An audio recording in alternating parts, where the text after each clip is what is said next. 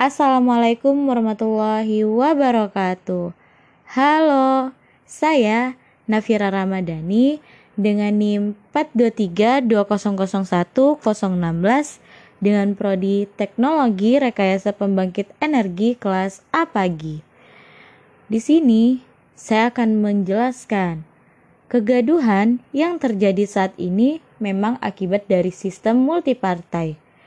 Kondisi ini berdampak pada adanya kontestasi dan kompetisi yang tidak pernah berhenti dan pada akhirnya mengesankan kurang profesional.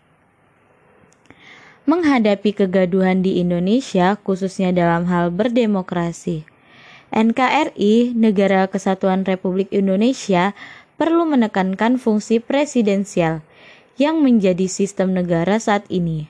Sebab, jika terjadi kegaduhan dalam berdemokrasi dan dibiarkan, pemerintah akan sulit fokus dan sulit membangun pemerintah dan masyarakat sebaiknya bekerja sama untuk berhenti menciptakan kegaduhan berdemokrasi di tengah kondisi perekonomian yang sedang sulit. Upaya mengatasi persoalan ekonomi seperti saat ini membutuhkan pemerintahan dan masyarakat yang solid. Kegaduhan terjadi semata karena lemahnya koordinasi di pemerintahan, sehingga berbagai konflik dalam berdemokrasi muncul Perbedaan pendapat yang terjadi seharusnya dapat dikelola dengan baik.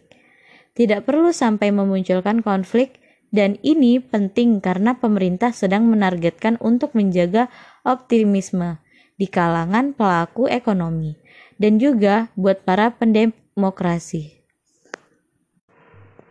Bangun demokrasi begitu rentan dan bisa saja setiap saat terancam roboh jika diterpa gelombang pasang krisis ekonomi dan politik atau peristiwa-peristiwa yang memiliki tekanan yang lebih besar dibanding kekuatan bangunan sehingga dapat saja meluluh lantakkan demokrasi Indonesia.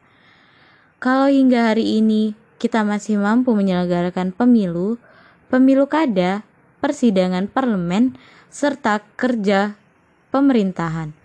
Namun, kesemua itu dapat dianggap bagian saja dari ornamen kelangsungan sistem politik – dan pemerintah yang menang dilangsungkan secara formal. Padahal demokrasi yang demikian tidak akan menghasilkan tenaga untuk menggapai tujuan bernegara sebagaimana diamanatkan dalam konstitusi. Jika memerlukan demokrasi yang substantif, melampaui dari sekedar ritual, rutinitas, atau instrumentatif belaka. Sekarang solusinya adalah bagaimana menghadirkan corak bernegara yang mampu menjamin sistem pemerintahan akuntabel dan responsif, perlindungan hak-hak warga negara yang dari negara, serta penegakan hukum demi mewujudkan keadilan secara nyata. Oleh karena itulah, tantangan terbesar mencegah robohnya demokrasi, bagaimana memperbaiki dan memperkuat kembali pilar-pilar sesuai prinsip demokrasi yang benar di atas fondasi cita-cita keindonesiaan. Sudah terlalu banyak politisi dihukum, baik oleh hakim karena urusan korupsi dan masalah pidana lainnya, maupun oleh rakyat dalam pemilu karena mengabaikan amanat. Namun demikian belum juga jerah, sekalipun kita menghujat dan mencaci maki politisi dan parpol, kita tidak mungkin mengingkari betapa pentingnya posisi dan peran parpol jika kita bersepakat dengan demokrasi. Oleh karena itulah, tantangan kita adalah di satu sisi harus selalu mengingatkan dan mengontrol parpol untuk segera berbenah, mereformasi organisasi mesin kekuasaan ini agar dikembalikan ke jalan yang benar. Sebegitu besarnya otoritas atau kuasa politik yang digenggamnya. Di dalam pengoperasian kewenangannya tentu harus diimbangi komitmen membangun etika politik kemampuan organisasi dalam mencetak kepemimpinan, serta keterampilan mengolah aspirasi rakyat menjadi kebijakan.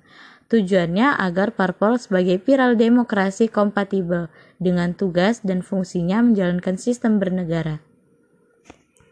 Jikalau kita memiliki parpol yang kredibel dalam membentuk struktur parlemen, masyarakat yang kritis membentuk struktur pemerintahan, maka akan menghasilkan hukum yakni regulasi, produk perundungan, serta kebijakan yang akuntabel, sebagaimana dikerangkai dalam sistem demokrasi. Oke, mungkin cukup dari saya. Sekian, apabila ada kesalahan kata, mohon dimaafkan. Sekian dari saya. Wassalamualaikum warahmatullahi wabarakatuh.